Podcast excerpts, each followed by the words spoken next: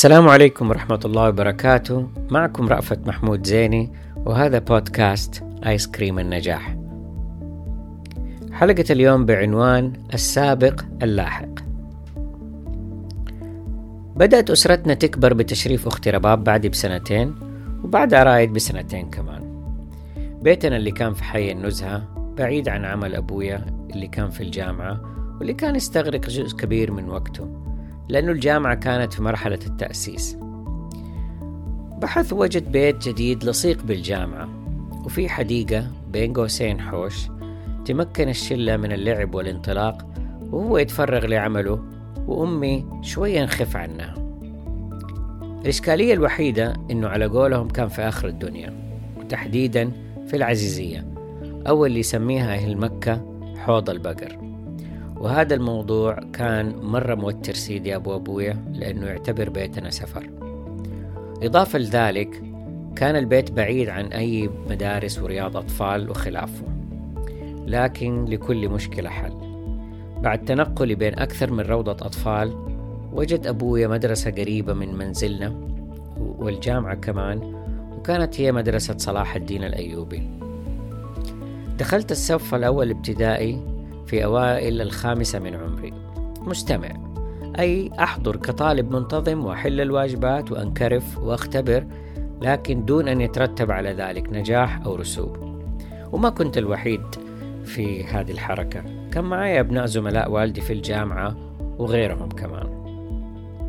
يبدو لي أنه هذه الحركة كانت مستخدمة بشكل كبير في ذيك الأيام. في نهاية العام كانت درجاتي ممتازة. بل من الأوائل في الفصل. فأسقط في أيدي الجميع. كيف يعيد السنة؟ وهو متفوق. فتم تحويلي إلى منتظم وانتقلت للصف الثاني وكملت. أظهرني هذا كطفل متميز خاصة مع حجمي الضئيل اللي هو بين قوسين قصير. أصبح الكل يمدح ويقول ما شاء الله شاطر ذكي مجتهد عبقري إلى آخره. وبعضهم كان يقول كذاب وعمرك في بطنك. ولكن كمان كان جانب هناك آخر مختلف لذلك. فطوال مرحلة الدراسة كان معظم الطلاب في الفصل أكبر مني بسنتين على الأقل. واستمر هذا الفارق العمري لازمني حتى دخول الجامعة وتخرجي منها.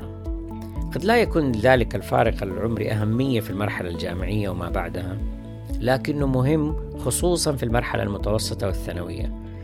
لما ينتقل الطالب من مرحلة الطفولة إلى سن المراهقة والبلوغ. كنت متأخر عن زملائي اللي بدأت أصواتهم تخشن وأجسامهم تنمو في جميع الاتجاهات وبشرتهم تكسوها البثور. كان الوضع محرج لي فأنا قصير بطبيعة تكويني فكيف مع, مع فارق عمر كبير؟ كنت أحيانا يقولوا لي بزرة وأحيانا يقولوا لي نونو والأسماء اللي تنطبق عليها كمان. وكانوا أحيانا يسكتوا إذا جلست معاهم بحجة أن هذا الكلام ما ينفع للصغار يسمعوه.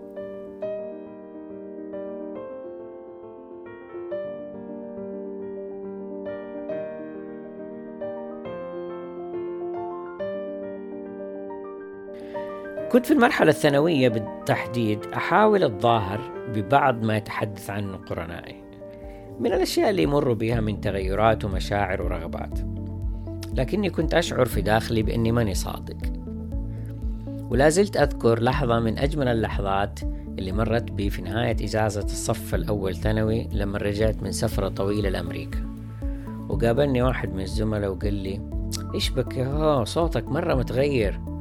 لم تسعني الفرحة حين ذاك رغم أنه لم يحدث تغيير فعلي على أرض الواقع في بقية الوظائف المهمة اللي تفاخر بها بقية الرفاق. وفر لي تفوق الدراسي الحمد لله ومحبة أسرتي نفسية داخلية قوية للتعامل مع هذه المتغيرات والضغوط. إضافة لذلك ساهمت محبة أساتذتي واهتمامهم في رفع مستوى ثقتي وتوازني الداخلي. وشكلت مشاركاتي في النشاط الطلابي من إذاعة ومسرح ومسابقات ثقافية من المرحلة الابتدائية مجتمعات صغيرة آمنة من الأصدقاء المهذبين. اللي أشترك معهم في الاهتمامات وبعضهم أصدقاء لي حتى هذا اليوم رغم أننا افترقنا دراسيا منذ ذلك الوقت. بعد ذلك انضمامي لفرقة كشافة المدرسة في المتوسط وبالتحديد في جعفر بن أبي طالب واستمريت في الكشافة في مرحلة الثانوية في ثانوية الملك عبد العزيز أو اللي يقولوا لها العزيزية في مكة. وكانت الدرع الواقي الثاني بحمد الله. فالكشافة تمثل إحدى مراكز القوة في المدارس وأفضل أماكن ممارسة الهوايات والرحلات آنذاك. وتعرفت من خلالها على أصدقاء رائعين بعضهم كان حتى متفوق دراسيا من مراحل دراسية أعلى. فوجدت بينهم الأمان والصداقة القوية البعيدة عن تنافس الفصل وصراع القوة فيه. وفوق ذلك وقاية نسبية من المعاناة. وأصبح كثير منهم أصدقاء العمر حتى هذا اليوم. كمان كان هناك جانب مشرق مهم من دراستي المبكرة وإني تمكنت بفضل من الله من الانتهاء من دراستي وتزوجت وأنجبت وأنا في سن صغير نوعا ما. وتمكنت أيضا من مواصلة دراستي العليا للماجستير والدكتوراه لاحقا رغم تباعد فتراتها بشكل كبير. فكانت محصلة الرحلة إيجابية. وهذا هو المهم في الحياة. شكرا على استماعكم ودمتم بخير.